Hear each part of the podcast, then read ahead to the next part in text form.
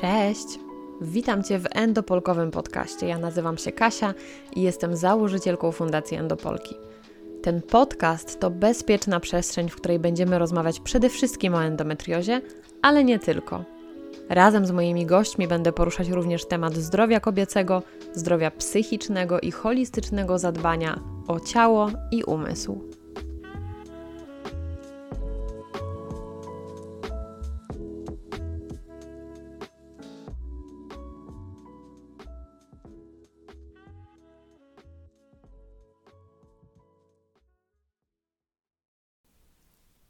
Dzień dobry wszystkim.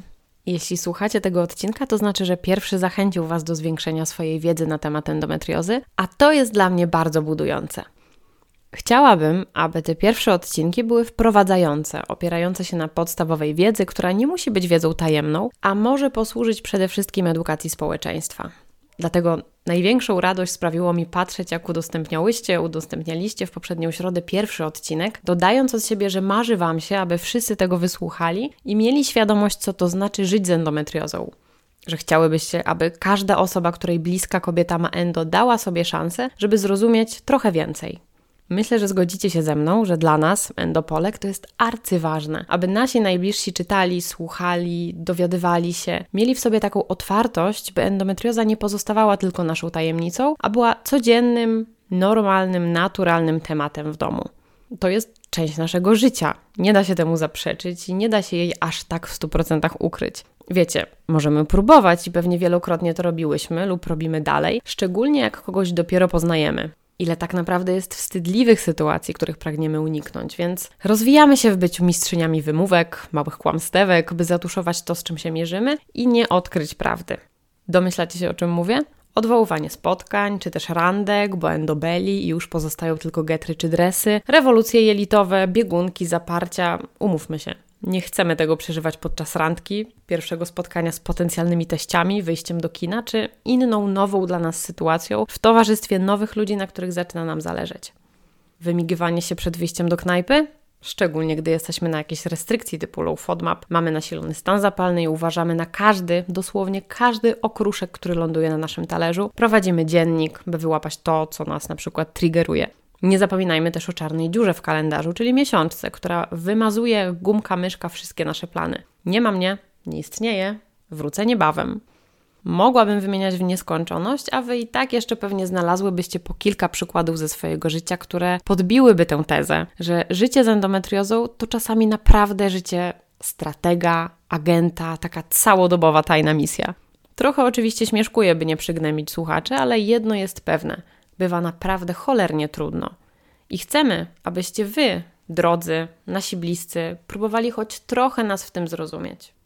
Moja obecność tutaj i to, co chcę przekazać, ma przede wszystkim charakter edukacyjny i wspierający dla każdej ze stron, bo każdy, kogo choć w najmniejszym stopniu dotyka endometrioza, ma prawo czuć się obciążony i zagubiony. Tak jest również w przypadku osób, które dopiero otrzymały poprawną diagnozę. Usłyszały te magiczne trzy słowa: ma pani endometriozę na które być może czekały od lat, a może spadły na nich jak grom z jasnego nieba. Warto zacząć od tego, że o endo dowiadujemy się w różnych sytuacjach i tutaj zatrzymajmy się na chwilę i przyjrzyjmy bliżej kilku, powiedziałabym, standardowym scenariuszom, o których najczęściej słyszę.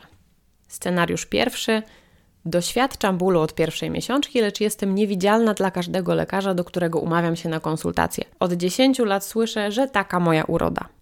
To jest chyba najczęściej powielana historia. Nie warto ukrywać, z czego to wynika, mianowicie z braku kompetencji lekarzy ginekologów. Nie wspomnę oczywiście o internistach, bo już przecież na tym etapie diagnostyki powinna pojawić się, nie wiem, żółta lampka. Ale zostańmy przy tych ginekologach. Wiemy, że jest to specjalizacja, że jest to lekarz, który nas diagnozuje. Niestety w praktyce jest to znacznie bardziej skomplikowane. Czy Endometrioza jest jak Yeti, jak jakiś kosmita, którego, żeby zobaczyć na USG, trzeba mieć naprawdę wyjątkowe szczęście? No nie, i potwierdzają to wizyty u specjalistów od endo, którzy w pierwszych minutach USG, a nawet badania fizykalnego, wiedzą, co się święci. Może to jest szósty zmysł? Raczej też nie. To po prostu szereg szkoleń w diagnostyce, otwartość i zainteresowanie chorobą, która dotyka co najmniej 190 milionów kobiet na świecie. Lekarz, który zajmuje się tym tematem od lat i zjadł zęby na diagnozowaniu czy operowaniu endometriozy, ma dużo większą łatwość w jej znalezieniu, nawet gdy dysponuje gorszym sprzętem USG. Może nie dostrzeże wtedy wszystkich zmian, tych najdrobniejszych, ale z pewnością spojrzy na pacjentkę znacznie szerzej i po zgłaszanych objawach będzie miał domysły, może zleci dodatkowe badania. Nie popełni tego samego błędu, który popełnia szereg lekarzy wpierających nam usilnie, że okres musi boleć. Jest pani zdrowa. Co najwyżej proszę zająć się głową, a psychiatra przyjmuje w gabinecie obok, bo wie pani, hipochondria to przecież też jest choroba. Domyślam się, że wiele osób, które słyszą, że można chodzić od gabinetu do gabinetu przez dekadę, nie otrzymując żadnej diagnozy, nie dostając żadnej odpowiedzi ani pomocy, doznaje szoku. Nas endopolek to już nie szokuje. Tak wygląda życie przed diagnozą. Słyszałam od wielu kobiet, że moment, gdy trafiamy na lekarza, który w końcu nas dostrzega, zauważa nasz ból, uprawomocnia to, co czujemy i mówi: To jest endometrioza, to jest to moment niewyobrażalnej ulgi. W końcu to nie histeria, to nie widzi mi się, to nie jest moje lenistwo, to nie jest niski próg bólu, to nie moja uroda, to nie miesiączka, którą stworzył szatan, to nie rodzinna tradycja, bo kobiety w naszej rodzinie tak mają. To jest choroba przewlekła, która wymaga zaopiekowania. Przejdźmy teraz do scenariusza drugiego. Dostałam diagnozę endometriozy w klinice leczenia niepłodności. Czyli to jest ta sytuacja, kiedy trafiamy do kliniki leczenia niepłodności, albo też trafiamy do ginekologa, gdy kilkumiesięczne czy kilkuletnie starania o dziecko nie wychodzą. To też jest bardzo częsty scenariusz, o którym mówią kobiety. Co ciekawe, i wspominałam o tym również w pierwszym odcinku, są to też kobiety, które mają nawet czwarty stopień zaawansowania choroby i wcale nie odczuwały silnych dolegliwości bólowych. W ich życiu nie działo się nic nadzwyczajnego, co miałoby włączyć alarm. Okres jak to okres, czasami nawet bez większych szaleństw. Tylko ta droga do macierzyństwa, jak ta z bajek, przez góry, lasy, rzeki, doły, morza. Mogę jedynie wyobrazić sobie szok, który taka informacja wywołuje, bo nagle okazuje się, że nieodczuwanie dolegliwości bólowych wcale nie oznacza, że jesteśmy zdrowe. Wręcz odwrotnie, może okazać się, że w naszym organizmie żyje taka mała towarzyszka, która jest na tyle sprytna i przebiegła, że nawet jej nie zauważamy czeka na odpowiedni moment, by wyjść cała na biało i pokazać, na co ją stać. Przejdźmy teraz do ostatniego scenariusza, trochę mniej spotykanego, ale jednak realnego. Doświadczam bólu od pierwszej miesiączki i otrzymuję szybko diagnozę. Niestety niepoprawną. To jest mój case. Ta sytuacja ma swoje dobre, ale też złe strony. Już tłumaczę, co mam na myśli. Życie przez 13 lat z diagnozą PCOS sprawiło, że wiedziałam, że nie wymyślam. Ktoś mnie zapewnił, że choruję i że mój okres ma prawo w takiej sytuacji boleć. Pierwsze lata odwiedzałam mało gabinetów, tak naprawdę tylko dwa gabinety ginekologiczne. Oddana byłam w ręce specjalistów, którzy, jak mi się wtedy wydawało, czuwali nad moim zdrowiem, ale to, co najważniejsze, nie bagatelizowali tego, co czuję. W sumie to usłyszałam, że po ciąży będzie lepiej i powinnam o tym jak najszybciej pomyśleć, a wtedy w głowie mi było raczej zwinąć się z lekcji, by nikt tego nie zauważył i cieszyć nastoletnim życiem, niż szukać idealnego wybranka i kandydata na ojca naszych dzieci. Niemniej była diagnoza, nie czułam się wariatką, przyjmowałam hormony i nauczyłam się żyć z tymi objawami, które są. Jaka jest ciemna strona takiego scenariusza? Postawienie poprawnej diagnozy, w tym przypadku endometriozy, nie przynosi ulgi a rozsypuje względnie poukładany świat na najmniejsze kawałeczki. Burzy to, co zbudowałyśmy latami. Zmusza do przewartościowania i ustalenia nowego planu na życie w tribie Nacito. Zastanówmy się teraz nad tym, co się dzieje tak naprawdę w momencie, gdy my słyszymy diagnozę endometriozy. I to pytanie, które chciałabym tutaj postawić, to co się dzieje na poziomie psychiki. Tu też będą oczywiście różne scenariusze, bo zarówno my, jak i nasze reakcje mogą być bardzo, bardzo różne. Część z kobiet miała podejrzenia, że choruje na endometriozę, doszły do tego same, szukając też odpowiedzi na pytania, dlaczego tak mnie boli, buszując po mediach społecznościowych, grupach wsparcia, rozmawiając z innymi kobietami, które doświadczają podobnych dolegliwości bólowych. Z kolei na drugim biegunie mamy te kobiety, które nie zastanawiały się nigdy wcześniej nad tym, z czym wiąże się endometrioza, co to jest za choroba, bo przecież mnie to nie dotyczy, mam swoje problemy, trochę takie ignoranckie, ale prawdziwe. Którakolwiek ze ścieżek jest nasza, finał jest prawdopodobnie ten sam. Zaczynamy przyspieszony kurs endo. Halo, czy są jakieś uniwersytety, które mają go w ofercie? Nie wiem jak wy, ja bym poszła w ciemno, zapłaciła tyle, ile by krzyknęli, żeby tylko ułatwić sobie tę ścieżkę. Nie ma co ukrywać, że żadna szkoła nas do tego nie przygotowała. W wielu domach nawet temat miesiączki był tabu, a pierwszą podpaskę dostałyśmy od koleżanki z ławki. Mamy to szczęście, że w dobie internetu wystarczy tak naprawdę parę razy kliknąć i wiedza na praktycznie każdy temat jest na wyciągnięcie ręki. Jednak uwaga, w internecie można bardzo łatwo zabłądzić. Wyszukiwanie rzetelnych informacji nie jest łatwym zadaniem, dlatego tak wiele kobiet po wpisaniu w Google endometrioza napotkało treści, które nie zapewniły im płynnego wejścia w endobańkę, a wręcz przeciwnie, przestraszyły, dobiły, napędziły dużo naprawdę trudnych emocji. Mimo wszystko uważam, że jest to odpowiednie miejsce i czas, by podziękować dziewczynom, które prowadzą grupy wsparcia i konta edukacyjne w mediach społecznościowych. To wy byłyście między innymi moim pierwszym źródłem informacji i tymi przewodniczkami w życiu z endo. To endomama, endopozytywne, endomilka, endodziewczyna, bodylogika były pierwszymi endokobietami, z którymi rozmawiałam o endometriozie, tak wiecie, bez wstydu, otrzymując ogromne zrozumienie i wsparcie.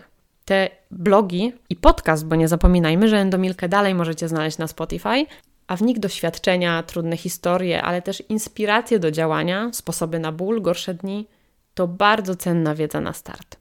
Zachęcam Was bardzo mocno do sprawdzenia kont dziewczyn, nie tylko tych, które wymieniłam, jest ich w tym momencie naprawdę znacznie więcej. Myślę, że zajęłoby mi dobre kilkanaście minut, jakbym wymieniła wszystkie konta, które śledzę, obserwuję w mediach społecznościowych, mm, ale bardzo Was właśnie zachęcam do tego, żebyście się wspierały, wspierali tymi informacjami, inspirujcie się nimi. Każda z nas, tak naprawdę działających na rzecz budowania świadomości endometriozy w Polsce, wnosi dużą wartość. Jest częścią bardzo ważnego procesu, bo ja to widzę tak, że nasze działania się uzupełniają, a my gramy do jednej bramki. Im więcej głosów, im więcej kobiet, które zakładają blogi, podcasty, dzielą się tym, czego doświadczały w wyniku endometriozy, tym większa szansa na edukację i zrozumienie. Ale wracając do tematu, bo trochę tutaj popłynęłam, celem dzisiejszego odcinka jest przekazanie Wam takiej instrukcji, przedstawienie kroków, które mogą Wam ułatwić wejście w temat endometriozy. Przede wszystkim jest to ścieżka, którą wiele z nas przeszło, oczywiście wielokrotnie skręcając w te boczne, mniejsze dróżki, szukając rozwiązań, gubiąc się, frustrując, odwracając napięcie, aż w końcu z pokorą wracając do punktu wyjścia. Chciałabym jednak ułatwić trochę ten proces przyszłym pokoleniom, czy też osobom, które może w tym momencie potrzebują pokierowania, bo umówmy się, ilość informacji w internecie bywa po prostu przytłaczająca.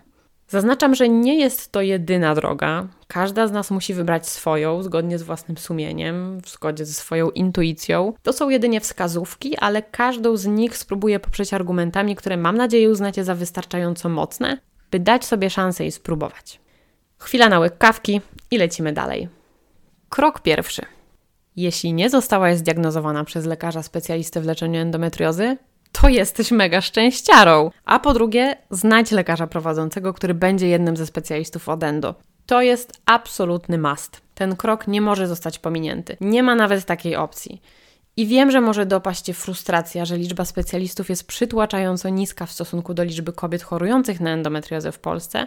Małe przypomnienie, jest nas ponad 2 miliony, ale nie poddawaj się i pomyśl, że jest to pierwszy i najważniejszy krok, by zmienić swoje życie i poczuć się lepiej.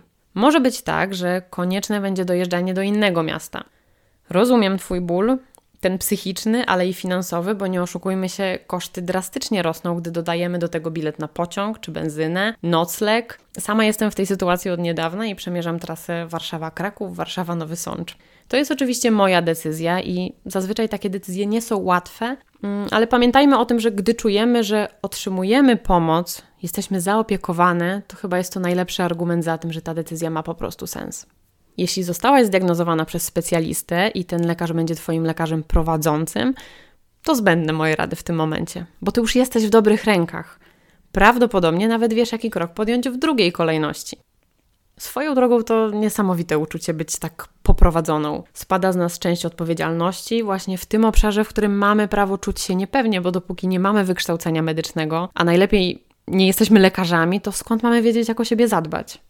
Zdarza mi się często, że piszecie z pytaniem o polecenie lekarza, a lista, którą ja wysyłam, jest naprawdę skąpa. Wynika to z tego, że jest w Polsce niewielu lekarzy, którym osobiście ufam lub wiem od bliskich mi endokobiet, że są to specjaliści na najwyższym poziomie. Nie chcę jednak, żeby to wybrzmiało tak, że poza tymi lekarzami nie ma już nikogo innego w Polsce, kto może nas zdiagnozować poprawnie i sensownie poprowadzić, bo jest duża szansa na to, że to nieprawda. Nie znam jednak wszystkich, większość moich poleceń opieram o głosy i doświadczenia innych kobiet.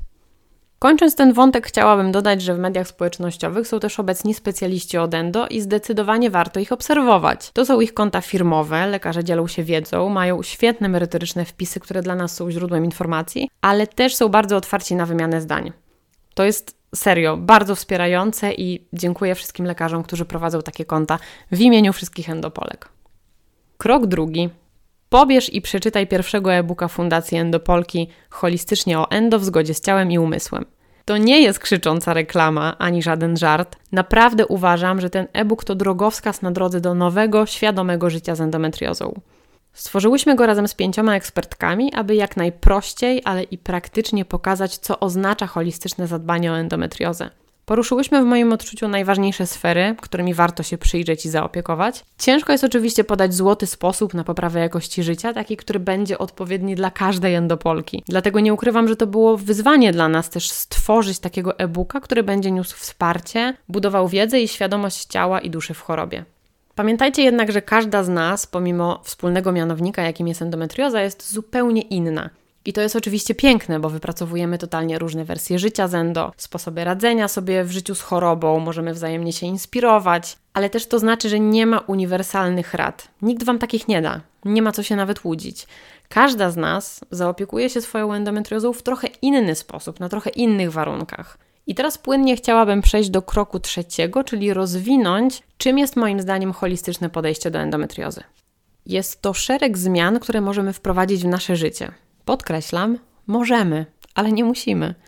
Moją rolą nie jest zmuszanie Was do zmiany swojego życia o 180 stopni, a edukowanie i pokazywanie, w jaki sposób te zmiany mogą wpłynąć na nasze zdrowie i tym samym codzienność. Ale wybór należy do Was. Możecie wybrać to, co dla Was jest bardziej osiągalne na ten moment. To, co sprawia Wam najmniejszy problem, nie wywraca życia do góry nogami, bo pamiętajmy, że samo hasło ma Pani endometriozę to już jest tornado, które bez pukania wpada w naszą codzienność i porywa nas miotając naszymi emocjami jak szatan. Wystarczy tych szaleństw, przynajmniej na początek. Metoda małych kroków, czyli powoli, spokojnie, tak zwane baby steps, z troską i wyrozumiałością w stosunku do siebie, uważnością na to, jak na zmiany reaguje nasze ciało i co się dzieje na poziomie psychiki, z zachowaniem granic, o które zawsze warto dbać. Nie chciałabym posługiwać się tutaj porządkiem chronologicznym, bo prawda jest taka, że każdy z obszarów, który poruszę, ma dla mnie ogromne znaczenie. Wiele zmienił w moim życiu zendo i nie wyobrażam sobie, żeby któregoś z nich miało nie być. To, co chcę powiedzieć, to że wszystkie są ważne. Będę je omawiać pokrótce z poziomu endopolki, aby tylko zaznaczyć, że są to istotne elementy w życiu kobiety z endometriozą, ale też w niedalekiej przyszłości rozwinę każdą z tych kwestii, czyli każdy z tych elementów holistycznego zadbania o endometriozę z ekspertką, ekspertem, aby dostarczyć Wam jak najbardziej specjalistyczną wiedzę. Kilka miesięcy temu, gdy miałam słabszy czas, finansowo również, co pewnie wiele z Was zrozumie, zdałam sobie sprawę z tego, że czasami są takie sytuacje, kiedy trzeba z niektórych działań zrezygnować.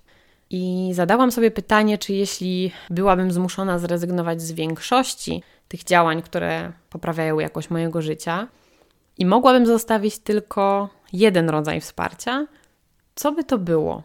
Mam na myśli tutaj wsparcie, za które płacimy, bo są to usługi oferowane przez specjalistów. Nie mówię o ćwiczeniach oddechowych, aktywności fizycznej czy praktyce uważności, bo to całe, na całe szczęście jest darmowe. Jak myślicie, jaka była moja odpowiedź? Bez większego zastanowienia odpowiedziałam: fizjoterapia uroginekologiczna. Zaskoczenie? Mam na to naprawdę mocne argumenty, poparte moimi osobistymi doświadczeniami, może komuś będzie do nich równie blisko. Przede wszystkim jest to praca z ciałem, oczywiście całym ciałem, ale też obszarami, które są stricte powiązane z endometriozą. Mam na myśli obszar miednicy mniejszej, jamy brzusznej. Fizjoterapeutka pracuje na naszych trzewiach, wykonuje terapię wisceralną, pracuje z naszymi bliznami, również tymi po laparoskopii, bo choć nam się wydaje, że one są takie malutkie, to uwierzcie mi, może i malutkie na zewnątrz, ale wewnątrz naprawdę głębokie. Dalej, terapia mięśni na miednicy. I nie będę tutaj ściemniać, że od zawsze byłam świadoma swoich mięśni na miednicy, w skrócie MDM, bo poza tym, że nazywałam je mięśniami Kegla, to nie wiedziałam nic więcej. Dzięki regularnej fizjoterapii uroginekologicznej poczułam, gdzie one są, jak pracują, czy są zbytnio napięte, czy może rozluźnione. Nauczyłam się, jak je trenować i właśnie jak je napinać, jak rozluźniać, co ma ogromne znaczenie zarówno w kontekście dolegliwości bólowych podczas współżycia, jak i również w kontekście nietrzymania moczu. Mnie akurat prześladuje wysiłkowe nietrzymanie moczu, ale wierzę, że kiedyś i to opanuje. Nie chcę wymieniać wszystkich korzyści i mądralować, bo nie jestem fizjoterapeutką uroginekologiczną, ale zdecydowanie fanką tego rodzaju terapii i wydaje mi się, że przykładem na to, że to działa. To, co jest też nowością i jest bardzo budujące, to że coraz częściej ginekolodzy, specjaliści od endo mówią swoim pacjentkom, że fizjoterapia uroginekologiczna to świetne uzupełnienie ich leczenia. Podpisuję się pod tym w 100% i dodaję od siebie, to jest fundament. Przejdę teraz do wsparcia numer dwa, odpowiadając na pytanie, które być może zrodziło się w Waszych głowach. Dlaczego na pierwszym miejscu nie podałaś diety przeciwzapalnej? Czy ona jest mniej ważna? Absolutnie nie jest mniej ważna, ale doświadczenie podpowiada mi, że znacznie prostsza do wdrożenia i nie zawsze wymaga pomocy specjalistycznej czy tej konsultacji u dietetyka. Wspomniałam już dzisiaj, że jesteśmy bardzo różne i podtrzymuję to również w temacie diety. Każda z nas będzie miała inne potrzeby bo będzie też mocno zależne to od tego, czy poza endometriozą dolega nam coś jeszcze. Mam na myśli choroby i zaburzenia takie jak insulinooporność, SIBO, IBS, choroby tarczycy, w tym Hashimoto i wiele, wiele innych, których nie sposób też wymienić i nawet to nie jest moim celem. Mogę to sprawnie opowiedzieć na swoim przykładzie. Mam SIBO, i w dużej mierze to zaburzenie utrudnia mi samodzielne dobranie produktów, które rzeczywiście mi służą, a które prowadzą do zaparć, spuchnięć, bólu. I w takiej sytuacji wsparcie dietetyka klinicznego jest bardzo pomocne, bo ten specjalista opiera się o wyniki badań, bierze pod uwagę wszystkie nasze właśnie choroby, zaburzenia i podchodzi do nas bardzo indywidualnie. Nie każdy jednak potrzebuje takiego przewodnika. Warto powiedzieć, że w przypadku endometriozy najbardziej zalecana jest dieta przeciwzapalna, czyli to jest taki model żywienia, który bardzo dobrze odzwierciedla dieta śródziemnomorska. Zdrowe tłuszcze, tłuste ryby, ograniczona ilość cukru, żywności przetworzonej, mm, ograniczenie czerwonego mięsa, dużo warzyw, pełnoziarnistych produktów to jest ta baza. I naprawdę u wielu kobiet taka właśnie wskazówka już robi robotę. Pojawiają się też spekulacje, czy powinnyśmy wyrzucać gluten, nabiał z naszej diety. Niektórzy podchodzą do tego bardzo restrykcyjnie, inni obserwują, co się dzieje w ciele, gdy jedzą te produkty i na podstawie dolegliwości lub ich braku podejmują decyzje. Taka metoda prób i błędów to też jest coś, co możemy zrobić bez wsparcia dietetyka. Osobiście uważam, że stosowanie się do tych zaleceń i wybieranie żywności przeciwzapalnej nie jest ani ograniczające, ani niesmaczne. To jest naprawdę pyszne jedzenie, bardzo różnorodne i wbrew opiniom powiem nawet, że wcale nie jest droższe od tego zwykłego jedzenia, cokolwiek to znaczy. Wierzę jednak, że komuś, kto buduje swoje posiłki na fast foodach, codziennej porcji słodyczy, chipsach, gotowych, paczkowanych daniach do odgrzania w dwie minuty, będzie trudno przestawić się na takie zdrowe żywienie, tak to nazwijmy. Ale prawda jest taka, że dieta przeciwzapalna nie jest przeznaczona tylko dla osób chorujących albo tylko dla kobiet z endometriozą, a jest dobra i zalecana w zasadzie dla wszystkich. Tutaj daję gwiazdkę, bo zawsze są wyjątki, szczególnie gdy w grę wchodzą inne choroby, więc pamiętajcie, że to jest taka lekka generalizacja z mojej strony na potrzeby tego odcinka. Nie chcę też, aby zabrzmiało to jak jakiś hejt na mniej zdrowe jedzenie, bo na takie też jest miejsce w naszej diecie. Naprawdę. I nie są to żadne grzeszki, śmieciowe jedzenie czy inne krzywdzące słowa, tylko po prostu mniej odżywcze produkty, które kuszą, lubimy je, jedząc sporadycznie nie popsują naszej relacji z jedzeniem i nie wkurzą aż tak endometriozy. Umiar, balans, to mam na myśli. Mam nadzieję, że czujecie to, co mówię. Przekaz jest taki, że zarówno fizjoterapia uroginekologiczna, jak i dieta przeciwzapalna są naszą bazą w endometriozie, ale nie da się ukryć, że zmianę nawyków żywieniowych możemy rozpocząć same i być może znajdziemy sposoby na swoje jelitka, a w przypadku fizjo potrzebujemy specjalisty, potrzebujemy po prostu drugiego człowieka, przynajmniej na start. Nie zawsze te spotkania będą częste, więc też nie zrażajmy się ceną i nie myślmy, że od teraz przez najbliższe lata będę wydawać co tydzień 200 zł, bo może okazać się, że spotkanie raz na miesiąc czy dwa będą w naszym przypadku wystarczające. Najważniejsze to zrobić ten pierwszy krok i udać się na wizytę do fizjo. Ona już będzie wiedziała, czego potrzebuje wasze endociało. Wsparcie numer 3. Będzie to krótki wątek, ale nawiązujący do diety przeciwzapalnej, a mianowicie suplementacja. We wspomnianym przeze mnie e-booku znajduje się rozdział poświęcony właśnie suplementacji w endometriozie. Pamiętajmy, że suplementacja jest zawsze dodatkiem do tego, co wkładamy na talerz każdego dnia. Nie próbujmy zastąpić jedzenia dziesięcioma kapsułkami, licząc na to, że ich magiczne właściwości zadziałają i zdejmą z nas całą odpowiedzialność. Jeśli mówimy o suplementacji, to najważniejsze jest to, że powinna być ona dobrana indywidualnie pod konkretne potrzeby. I oczywiście w przypadku witaminy D3, szczególnie w okresie zimowym, sytuacja jest dość prosta i warto ją przyjmować ze względu na to, co się dzieje za oknem, ale też dobrze byłoby zbadać jej poziom raz do roku. Z e-booka możecie wyczytać też o kwasach omega-3, które owszem możemy dostarczać sobie pod postacią tłustych ryb czy wodorostów, ale nie skłamię chyba, mówiąc, że jest duża szansa, że nie spożywamy takich ilości na co dzień, by rzeczywiście organizm odebrał to jako solidne wsparcie.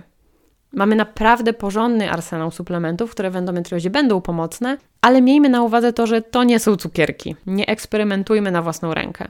Tym bardziej, jeśli mamy do czynienia z ziołami. A niestety widzę, że wiele osób nie ma świadomości, jak silne działanie one mają i serio nie ma żartów. Nie strasząc, bo to też nie jest moim celem, chciałabym tylko podkreślić, że dobrze dobrana suplementacja to naprawdę przeciwzapalne złoto w endometriozie.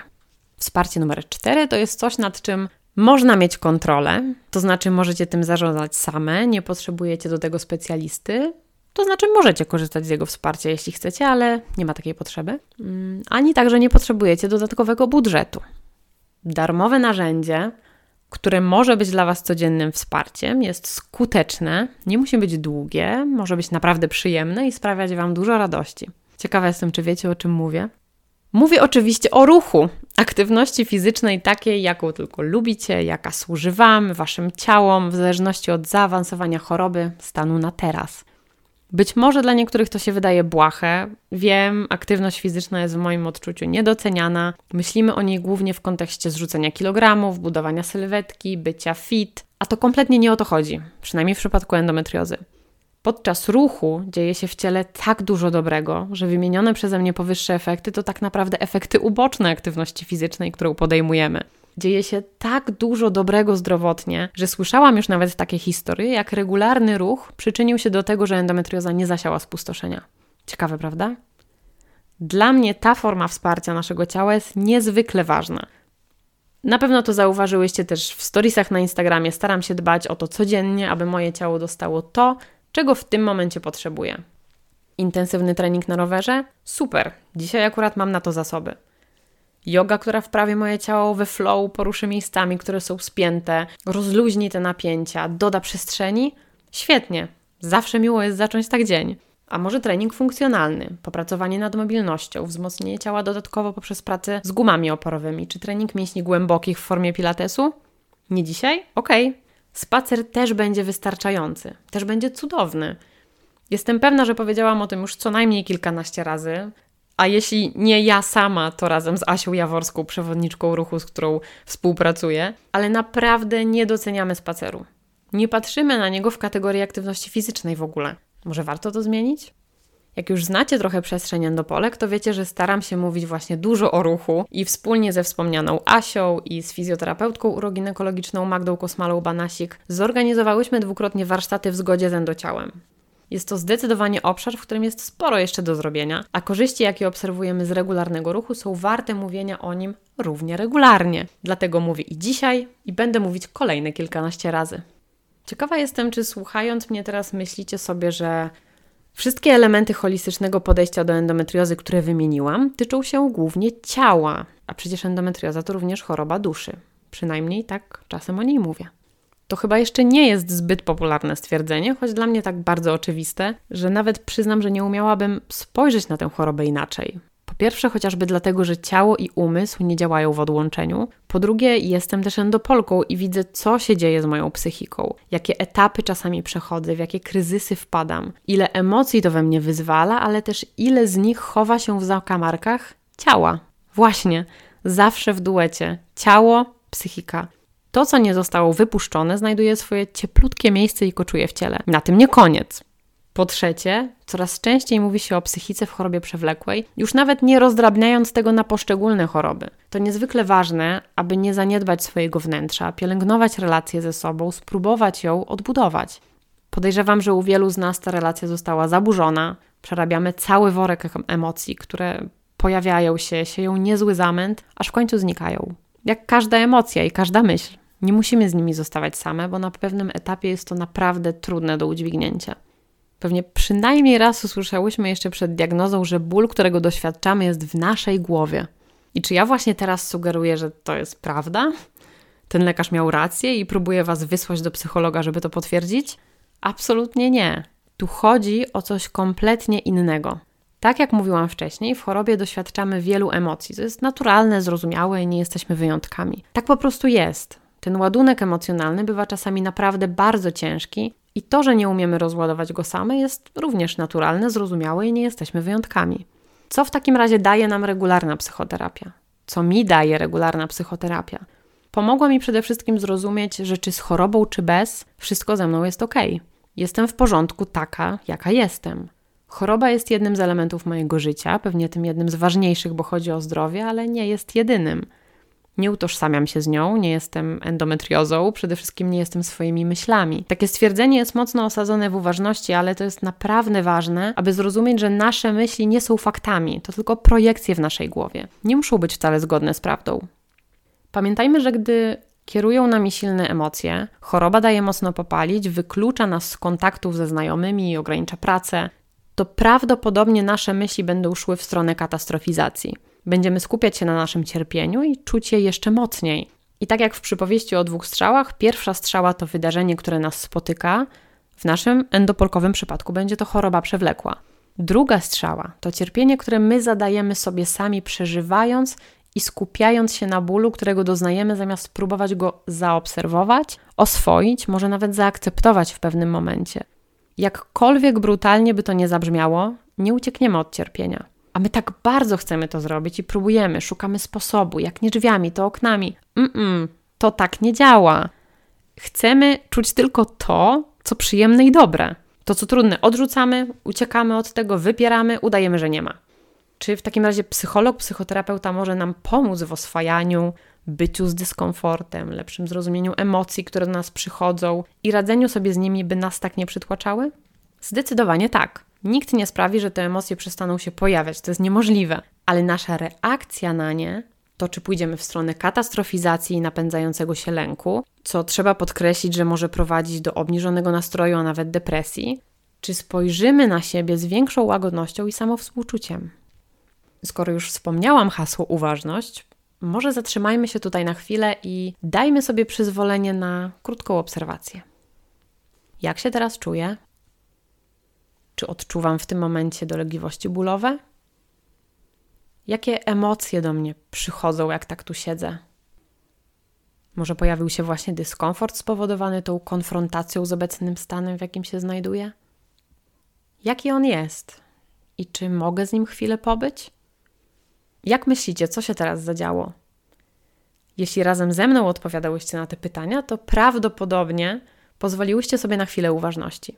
Na przywrócenie siebie do ustawień fabrycznych, odcięcie rozpraszających bodźców i zapytałyście siebie, co tak naprawdę się dzieje w środku.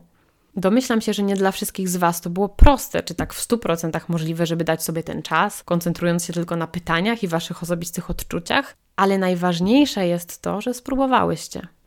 Rozproszony umysł będzie szalał jak małpka po gałęziach, zarzucał nas kolejnymi myślami, zadaniami, zabawami, żeby tylko się nie nudzić. Taka jest jego rola. To nie tylko wasz umysł, ale też mój i każdej innej osoby. To, co robimy podczas bycia uważnym, to trenujemy ten umysł, nie dajemy się ponieść myślom, obserwujemy je, puszczamy dalej, a nasza uwaga skierowana jest na jeden obiekt, na przykład oddech. Niedoceniony przyjaciel, naturalne, fantastyczne narzędzie, które mamy zawsze przy sobie. Co mi daje uważność? Obniża ten poziom katastrofizacji, oddala od myślenia, że moje życie to nieustanne cierpienie, dlatego że jestem chora. Oswaja z tym cierpieniem, które jest nieodłącznym elementem naszego życia. Pozwala mi spojrzeć na moją codzienność z lotu ptaka, a nie z perspektywy silnych emocji, które zalewają umysł jak fale tsunami. Na pewno też go wycisza, bo nie mobilizuje do koncentrowania uwagi na każdej pojedynczej myśli, tworząc nowe scenariusze, podążając za tym, co umysł kreuje, a daje przestrzeń na obserwację i na spojrzenie z dystansem. Uważność uczy mnie też tego, że akceptacja to nie jest bierne godzenie się ze swoim beznadziejnym losem i poddanie się, a przyznanie, że życie, w domyśle moje życie, jest właśnie takie, jakie jest. Dzisiaj jest takie, jutro może będzie trochę inne. Nie jest ani złe, ani dobre. Nie oceniam go, a przyjmuję takim, jakie jest. Jest takie, jakie być powinno.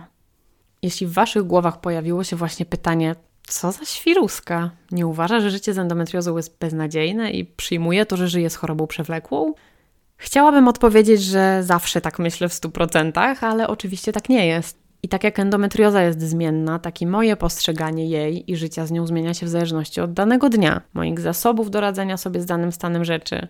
Niewątpliwie uważność bardzo pomaga mi w tym, żeby jak najczęściej, jak to tylko jest możliwe, przyjmować to życie bez próby jego zmiany.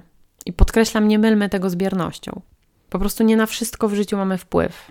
A gdy przychodzi dzień buntu i tak, one dalej się zdarzają, a zaledwie 3 lata regularnej praktyki nie robią z nas jeszcze mistrza zen, to dzięki uważności akceptuję to, że nie akceptuję. Tak przedstawia się holistycznie o endo w moich oczach. I choć korzystam z jeszcze innych technik, narzędzi, wsparcia specjalistycznego i wiedzy fantastycznych ekspertów, to to są moje fundamenty. Na tym i dzięki temu staram się budować moją relację ze sobą i z endometriozą. Nie walczę, nie nazywam siebie endowojowniczką, bo jestem zmęczona już walką z wiatrakami, a niestety w przypadku endometriozy to nigdy nie będzie równa walka. To też warto jak najszybciej przyjąć do siebie. Na ten moment nie możemy o endometriozie powiedzieć, że jest to choroba uleczalna, więc o jakim wygraniu mowa? Czy poddanie się leczeniu, a nawet zaawansowanej operacji, zmniejszenie odczuwanych dolegliwości bólowych to jest 1-0 dla nas? Nie, to jest polepszenie jakości naszego życia. Nieprzewidywalność i zmienność w tej chorobie jest bardziej niż pewna, dlatego zamiast kumulować swoją energię na walkę do upadłego, złudną wygraną, bo w każdej chwili przeciwnik może uśpić naszą czujność, nabrać mocy i odezwać się jeszcze głośniej, zdecydowanie wolę cieszyć się ze stanu, w którym na dany moment jestem, mając świadomość, że to nie jest dane na zawsze. Czy to jest życie w ciągłym strachu o pogorszenie się zdrowia? Nie, to jest jedna z najtrudniejszych lekcji, którą przerabiam już dość długo, a mianowicie lekcja nieprzywiązywania się. Również do tego, co jest dobre, przyjemne, wyczekiwane, bo takie stany przecież w endometriozie też się pojawiają. Ta świadomość choroby, o której tak często mówię, jest właśnie o tym, żeby wiedzieć, że będą trudniejsze etapy. Dlatego podczas lepszych dni czy miesięcy bądźmy wdzięczne i dajmy sobie szansę na przyjemności, na spełnienie. To jest też o tym, że nikt za nas nie zrobi tej pracy. Podchodząc do choroby w sposób holistyczny, mamy wpływ na to, czy ona będzie się rozwijać z prędkością światła, czy nie. Czy ból będzie obecny codziennie, czy może trochę rzadziej lub z mniejszą intensywnością. Jest też o tym, że choć może wydaje Wam się to dzisiaj niemożliwe, czy nawet po prostu głupie, z endometriozą można żyć i to nawet żyć szczęśliwie. I tego Wam właśnie życzę. Poznania swojej endo, poznania swojego ciała, przede wszystkim słuchania go i odpowiadania na sygnały, które nam wysyła. Odpuszczenia tego, na co nie macie wpływu i gdzie wasze poczucie sprawczości i kontroli się kończy. Zaufania sobie, że naprawdę robicie dużo, być może nawet wszystko, co jest w waszym zasięgu, by było wam choć trochę lżej. A mam nadzieję, że po przesłuchaniu tego odcinka już wiecie, że naprawdę możemy zrobić wiele, gdy otrzymujemy diagnozę endometriozy i zaczynamy nowe życie z koleżanką u boku. Zaopiekujmy się sobą, a będzie znacznie łatwiej i bezpieczniej. Pamiętajcie, że fundacja powstała też po to, żeby dawać Wam wsparcie i pokazać drogę, dlatego jeśli potrzebujecie porozmawiać, coś w tym odcinku było dla Was niezrozumiałe, nie wiecie jak macie się zabrać do czegoś, do wprowadzenia tych drobnych, powolnych zmian, nie bądźcie z tym same. Ja tu jestem na Instagramie, Facebooku, dostępna pod mailem kontaktmałpaendopolki.org.pl i zawsze z przyjemnością z Wami porozmawiam. Dziękuję za dzisiejszą obecność. Słyszymy się już w kolejną środę.